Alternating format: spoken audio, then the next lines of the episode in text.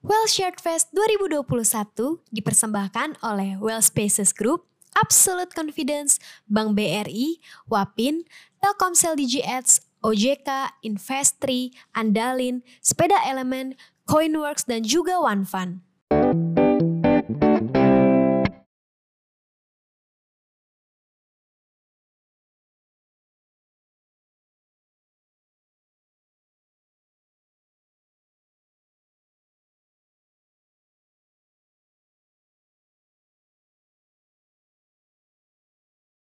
Halo teman-teman semua di rumah, selamat datang kembali ke Well Share Fest 2021. Kali ini sesi kita akan mengundang uh, salah satu entrepreneur yang gue pernah bisa bilang apa ya zero to hero lah ya. Tadi dia insinyur, sekarang jadi entrepreneur jualan sepatu awalnya. Dan dari sepatu malah sekarang merambah menjadi bisa dibilang apa ya brand agency kali ya. Jadi uh, kita undang hari ini ada uh, Yuka Harlanda. Thank you. Thank you Mas Aryo. Happy to be here. Jadi ada Yuka Harlanda, jadi dia adalah CEO dan uh, co-founder Brodo dan juga yes. apa BDD panjangannya? Boleh dicoba digital. Boleh dicoba digital.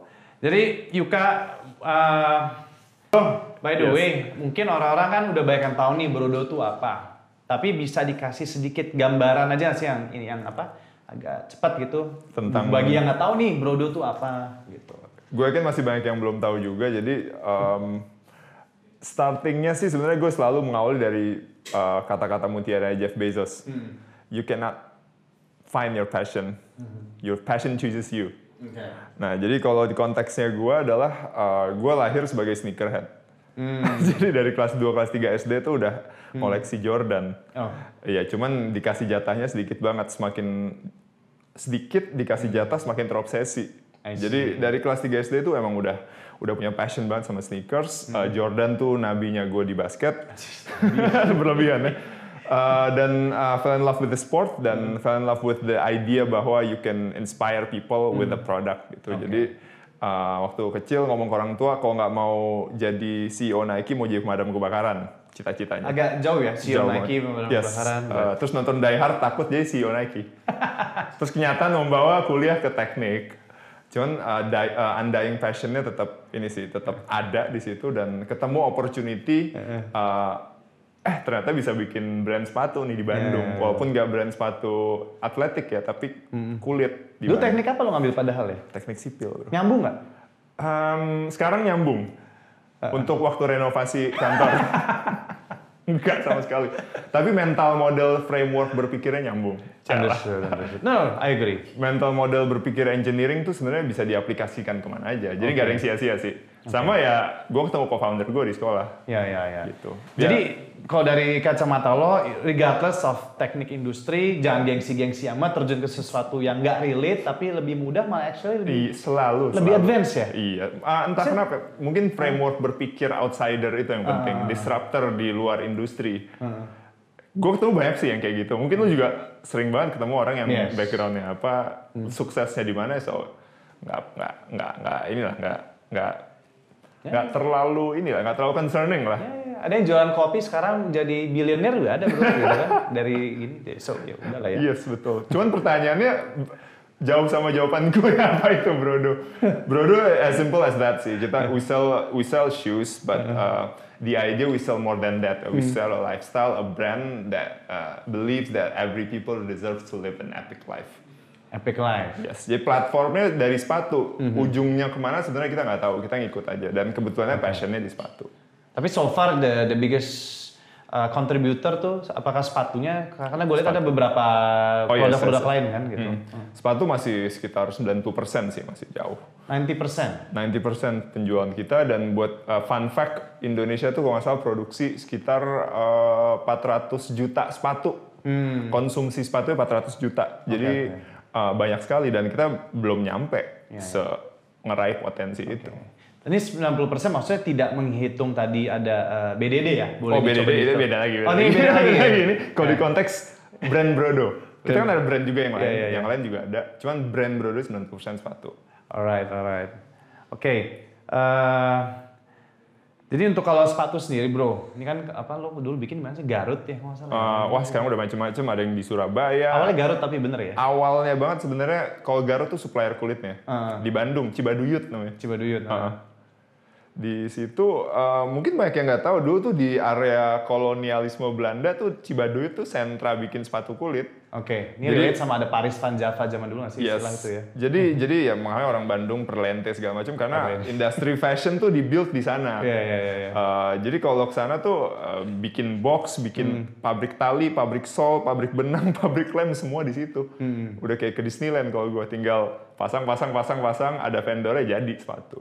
Oke oke. Unik sih uh, dan kita baru tahu waktu Hmm. kuliah. Jadi uh, ya udah kita coba aja di sana. Tapi sekarang akhirnya lo punya pabrik sendiri atau masih outsource? Oh enggak lah, enggak. Um, uh, beda bisnis model. Heeh. Karena kita tahu core competence kita itu di design, branding, Branding. R&D. Kalau pabrik itu ya ada ada yang lebih kompeten lagi lah. Dan it's a very heavy investment. Well, it's exactly kayak even Nike sampai sekarang juga. Sampai sekarang. Mereka seperti itu juga ya bisnis modelnya. semua yang nggak ada. Kecuali mungkin yang mau vertical integrated ya. Ya. Yang hulu ke hilir. Cuman konteksnya kalau pabrik sepatu yang bisa bikin pabrik sepatu bagus tuh udah banyak. Ngapain kita bikin lagi? Kalau mungkin kalau misalnya produk lo tuh R&D yang benar-benar harus ada expertise, tuh harus. Kalau sepatu kan gitu-gitu aja. Ya, Dari ya, ratusan tahun yang lalu gini-gini aja. Ya ya ya. Iya, jadinya nggak usah lah, nggak usah bikin-bikin. Tapi keren bro. I mean, I've known you for so long lah ya. Dari zaman lo kapan masih, ya? Hah? ya? Dari zaman-zaman perjuangan, bro. zaman-zaman perjuangan gitu kan. Ini, lo masih di mana tuh? Ampera. Di Ampera. Iya dari cuma satu, gua aja masih satu lokasi kecil udah banyak, lu juga Iya, inilah iya. ya. But but I think uh, what what what curious me adalah the, the journey itself ya. Hmm. Karena gue lihat dulu dari awalnya ikutan, kalau nggak salah lu bright spot ya waktu itu ya, Yes. ikut gitu-gituan, sampai akhirnya lo jualan di Good Step dan lo uh, now you became big gitu. How was the journey like at that time yang mungkin memorable buat lo, ups and down-nya gitu ya? Oh, um, gimana ya? Nggak ada, nggak ada down-nya ya? Yaudah ups aja nggak apa-apa. Enggak, justru pain-nya tuh banyak. Oke. Pain-nya pasti jelas. Apalagi di industri retail ya. Uh, quote-nya kalau industri retail lo tuh emang emang orang-orang gila aja. Karena udah jelas ibaratnya cuannya tuh nggak gede. Ya mungkin mirip-mirip sama F&B lah ya. Uh, Rate of success-nya tuh kecil banget. Ya. Tapi kebanyakan kalau di industri ini emang pasti kebanyakan nggak cuan dulu sih yang dipikirnya. Apa dulu? kalau- Ya passion-nya dulu. Kayak emang space-nya gue suka gitu loh. But how long did this passion last for you nih? Wah, uh, Sampai sekarang atau? mungkin naik turun ya. naik. Wah kenapa hidup susah banget terus tiba profit, eh passion lagi. Emang harus, gue gue juga uh, part businessman juga lah, ju- Iya, ju- harus lihat financials juga. Cuman yang kept us going itu, karena Hmm. waktu start, bayangin di, di waktu ikut Bright Spot tuh yang open kita banget. Hmm. Sebelum kita tuh udah banyak banget, udah banyak yang lebih gede, banyak yang lebih keren. Iya, iya, Uh, cuman yang kept us going mungkin uh, apa ya? uh, balance antara passion dan ya bahasa kasarnya cuannya ya. Hmm. Kalau cuma passion aja nggak cuan-cuan juga sama aja. Kalau cuan aja nggak di ini passion begitu ini turun lo nggak bisa bertahan. Iya, iya. Karena fashion itu kan cycle, Hmm. ups and downs-nya tinggi, apalagi trend fashion. Iya, iya, iya. Jadi bisa dibilang sih gitu ya, journey-nya uh, pasti sama kayak bisnis uh, yang lain ya, naik turun naik turun. Tapi mungkin kita beruntung nih di awal, Hmm. sejak awal tuh kita ngambil posisi kita mau jadi internet driven. Hmm. Itu dari Gimana? awal lo udah to zaman Kaskus. ya? Oh bahkan dari kaskus Dari ya? zaman Kaskus kita decide kita mau internet driven, padahal opportunity untuk jual di department store, buka ya. toko segala macam itu tinggi juga. Cuman entah kenapa insting kita bilang ke sini aja bro. Good decision lah ya. Uh, ya, uh, lucky decision bisa dibilang sih. Lucky. Hoki, hoki. gitu. Jadi uh, sama ini sih background engineeringnya ngebantu karena Hmm. gue mau gue perlu data untuk nge-proof insting gue. Hmm. Termasuk dari sisi kalau fashion kan ini ya uh, collection yang Hmm. baru. Ya biasanya gue percaya ini bakal kejual terus nggak kejual ya udah Hmm. diemin sampai akhirnya collection habis diskon. Oke oke oke. Kalau gue nggak bisa kayak gitu, Hmm. jadi gue harus dapat data feedback tuh cepet. Oke. Jadi agak niru Zara sedikit, bikin collection tuh white banget. Uh, pasti dari A sampai Z, semuanya kita keluarin dulu. Karena kita nggak tahu nih kan customer maunya apa. Ada sih gut feeling, tapi di proof by data. Iya iya iya. Hari pertama, hari kedua, kita udah bisa ngeliat, oh kira-kira ini yang laku. Jadi langsung kontak ke supply chain, kita produksi ini lebih banyak. Iya iya iya. Jadi cepet tuh feedbacknya. Kalau kita ke department store, mungkin feedbacknya baru kapan? Months, Iya. six months. ya Dan kita nggak bisa denger conversation orang tuh tentang produk kita gimana. Jadi akhirnya internet doang nih jawabannya. Tapi barrier to entry-nya emang gimana brand yang unknown Ya. bisa jual produk dan convince ini produk bagus, apalagi sepatu yang harus dipakai. Oke oke oke. Jadi challenges-nya di situ, tapi menurut gua asalkan experience-nya itu delightful, belajar dari Zappos ya. Oke. Bisa kirim nggak pas, kirim balik aja kita ganti segala macem. Ber- Kalau itu bisa kita taklukin di awal-awal aja ya, nggak usah selamanya.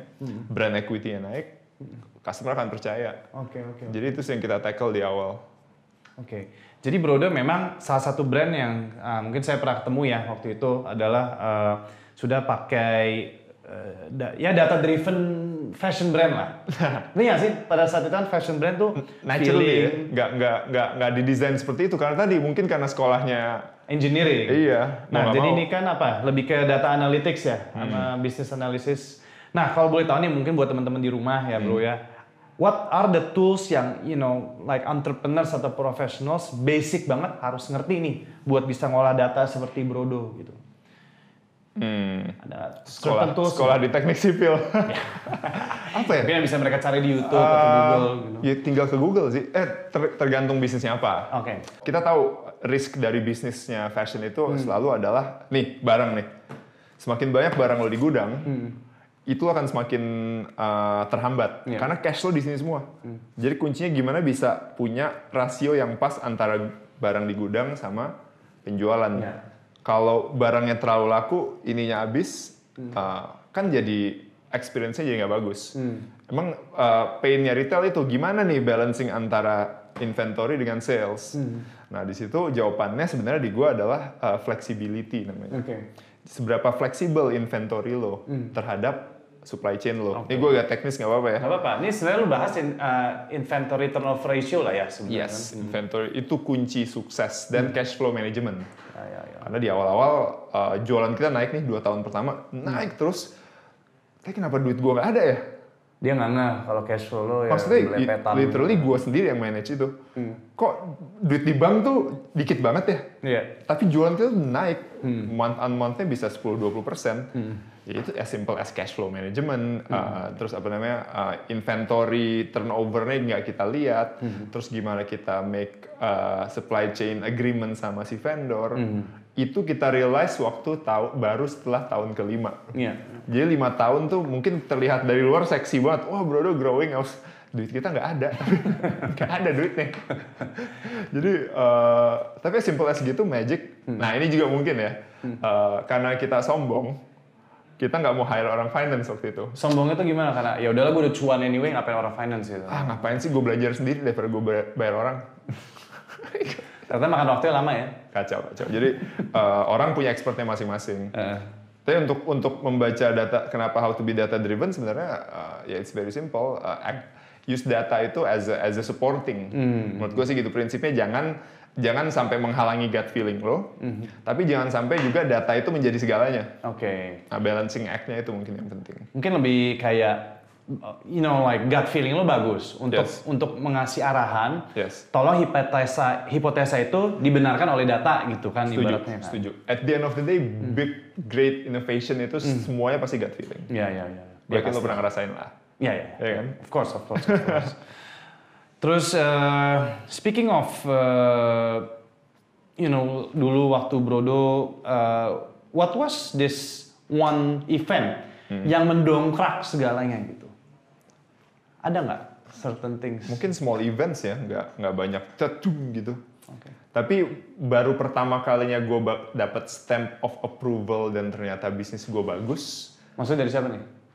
Gue itu pertama kali dapat seperti itu bukan dari bukan dari orang tua gue, bukan dari teman-teman, bukan dari, semua pada bilang ya elah, ini boncos nih bentar lagi nih. itu dari almarhum Remco waktu itu. Oh, Oke. Iya. Remco Lupker ya. Remco Lumker, ya founder toko bagus sekarang udah jadi OLX. Hmm. Uh, dia, ini ini someone uh, successful, successful exit, mungkin one of the earliest exit in Hmm. Iya. e-commerce. Uh, I mean before Bukalapak before Tokopedia lah ya gitu. ini Uji zaman ya. prehistorical uh, ya successful person very apa namanya expert di bidangnya dan uh, somehow gue berhasil ketemu sama dia ngobrol ya schedule-nya ngobrol satu jam. Empat jam kemudian ngobrol panjang sana sini sana sini dia tiba-tiba bilang oke how much are you raising? Raising tuh apa? Are you looking for investment? Maksudnya gimana? I thought you were pitching me. Pitching tuh apa? Lempar gue dijelasin lah dunia VC sama dia. Tambah Oke. lagi tuh sejam. Jadi pertemuan 5 jam. Iya, iya, iya. iya. at that point dia langsung nawarin uang. Iya. terus gue shit man. Gue uh, ya modal sendiri orang tua nggak percaya siapa Hmm. nggak percaya semua nggak percaya cuma mungkin pacar gue yang cu- cuma wah ini oke Pacar lo sekarang istri lo. alhamdulillah jadi ibunya anak-anak gue sekarang makanya nggak gue filter Uh, dan partner gue cuma kita doang yang percaya Hmm.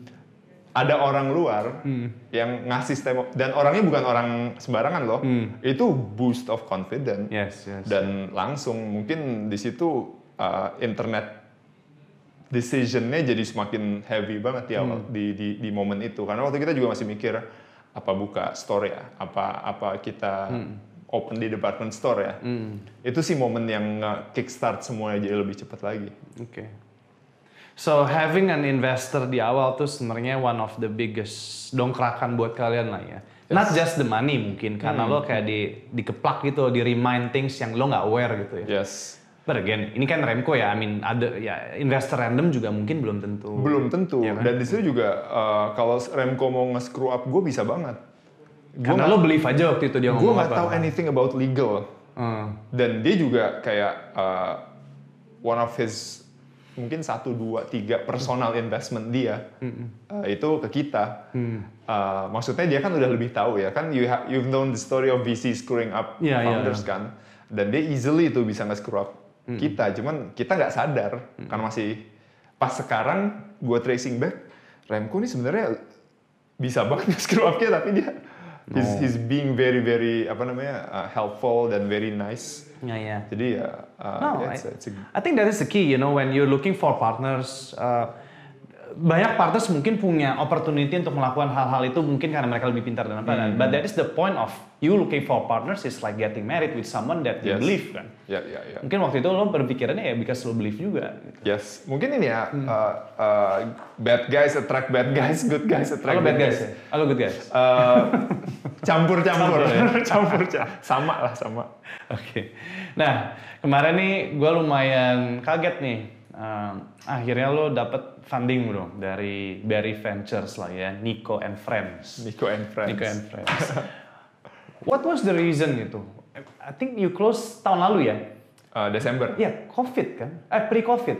Uh, gua fund fundraisingnya pas COVID. Iya, pas COVID justru Pas kan. Nah itu lucu juga karena, you know, uh, I think fashion was the business yang impacted Yes. so much. Yes. And yet, lo dapat funding besar dari BRI Ventures sama GDP. Ha-ha. What was the story with them? Wah panjang bro. Yang ini pendek ini gimana? lebih ba- lebih uh, gini. Pitch gue waktu itu adalah uh, kalau gue sama partner ya, we need to bulk up our cash very huge di awal-awal karena we really don't know what will happen gitu. Bener-bener panik Maret, April, Mei, Juni itu bener-bener masa yang kelam banget buat kita. Karena But honestly at that time, revenue ya went down lah ya because went COVID. down, Went down ya? lumayan. Ah. Kita pun udah langsung cut semua tuh, cut salary, cut apa segala macam. Tapi sebenarnya cukup untuk survive. Cuman kita benar-benar uncertainty-nya nggak tahu. Hmm. Jadi saat itu kita emang ngambil posisi, oke let's let's just bulk up the inilah, bulk up the cash lah, Hmm. dan playing defense jadinya. Yang penting kita ada cash. Hmm. Nah itu kayak eh, ibaratnya bahasa kita tuh Jurassic Jurassic mode-nya kita. Di bentar lagi ada meteor datang, dinosaurus bakal mati. Nah, we need to have the apa namanya segala macam protection. At least kita nggak mati nih during the Jurassic mode. Iya. Tapi abis ini kita bilang namanya Renaissance mode. Di mana semua akan flourish, semua akan grow, ya, the resilient akan akan muncul semua. It is happening now, right? Uh, mungkin buat fashion belum ya. Pelan-pelan, udah pemenangnya yang kecil-kecil udah muncul yang udah duluan. Nah, cuman in general fashion masih kena hit. Gua ngomong kayak konteks uh, brand-brand yang mungkin yang jual di Matahari juga nih atau brand-brand traditional market. Jadi uh, di situ kita mau ngeposisiin posisi kita sebagai salah satu pemenang juga nantinya. Jadi kita punya cash nih. At least sekarang uh, yang paling per- pertama tuh yang bisa kita manfaatin sebenarnya uh, relationship sama vendor. Vendor sales pada turun, uh, order dari luar negeri pada hilang semua. Mereka butuh order dari dalam negeri, langsung kita tutup capacity. Oke, gue ambil capacity lo semuanya untuk enam bulan. Uh, payment termsnya gue mau yang atur, margin gue gue mau yang atur. Mereka nggak bisa ngapa-ngapain lagi. Kita mau kita berani udah ada cashnya. Uh, endingnya win-win karena mereka nggak boleh turun produksi. Iya. Dan kita pun win-win dapat produk murah, terus uh, apa namanya lebih lebih payment termsnya lebih bagus. Jadi masa-masa sekarang sebenarnya buyers market. Jadi berarti harga lagi baru turun. Bahkan kita ngelihat ada brand-brand yang bisa kita acquire nggak suatu hari nanti. Uh, Macam-macam. Jadi kalau kita punya cash akan me- akan inilah akan akan akan seru lah. Iya. Nah, gimana cara nge-convince ke investor bahwa we are the winners? And at and at a decreasing industry at that time lah ya. Men, uh, ini produk bestseller kita sepatu kulit, dipakai buat kerja. Dan uh, orang nggak kerja, Hmm. banyak yang ke layoff. Ya nggak ada yang mau beli lah. Kita tahu itu faktanya gitu dan gimana cara kita nge-convince emang uh, ya it's a, it's a long painful journey juga. Fundraisingnya juga emang lama banget menurut gue prosesnya dan yang say no sebenarnya honestly Banyak, pasti. banyak banget. Cuman ya mungkin ketemu at the end of the day uh, we attract the right investors juga karena uh, we believe on the same things nih. Uh, Iya. Sekarang yang baru masuk pun juga we believe on the same things. We believe on the power of Indonesia. We believe on the power of SME juga. Iya. Ada kaitannya sama BDD nanti. Uh, Macam-macam. Jadi uh, bisa dibilang 2020 nggak fun buat gue ya. Karena waktu itu uh, kita tahu uh, ya ya ya ya ya turun-turun stores tutup tutup tutup tutup. Tapi kita juga uh, berusaha fundraising. Bisa itu screw up my mental lah. Iya iya iya. Cuman at the end of the day it's a happy story lah buat kita. Oke oke. Jadi ini menarik tadi lo sempat bilang that um, 90% of your sales itu adalah sepatu kulit yang buat kerja nggak ada kerja and then revenue lo down. Nah itu yang gue pertanyakan adalah then why these investors supported you? then? I don't know, why- ask Nico lah. Like really, you don't know? Um, Is it relate to lo punya tadi uh, BDD ya? Boleh dicoba digital. Uh, ada part of the story, tapi uh, I'm guessing ya, I'm guessing ya, ini my Hmm. gut feel. At the end of the day, it's a relationship game, it's a trust game, Hmm. Yeah. dan mungkin masih di fase di mana uh, bisnis kita itu didetermine sama si entrepreneurnya, bukan not the overall bisnisnya. Hmm, iya. Mungkin mereka betting on us-nya, menurut gua. Mungkin ya, On, mungkin. on ya. UK-nya lah ya. And gitu you ya. uta not the business model itself. Mungkin dan kita mungkin uh, bisa dibilang uh, brand awareness kita udah cukup solid. At least mungkin orang ya cowok umur 25 sampai 35 tinggal di kota besar, gue tanya, "Brodo tahu nggak? Mungkin gue confidently 40% tahu lah." Iya. Jadi secara brand equity kita ada fondasinya. Hmm. Mungkin secara marketnya aja lagi nggak asik.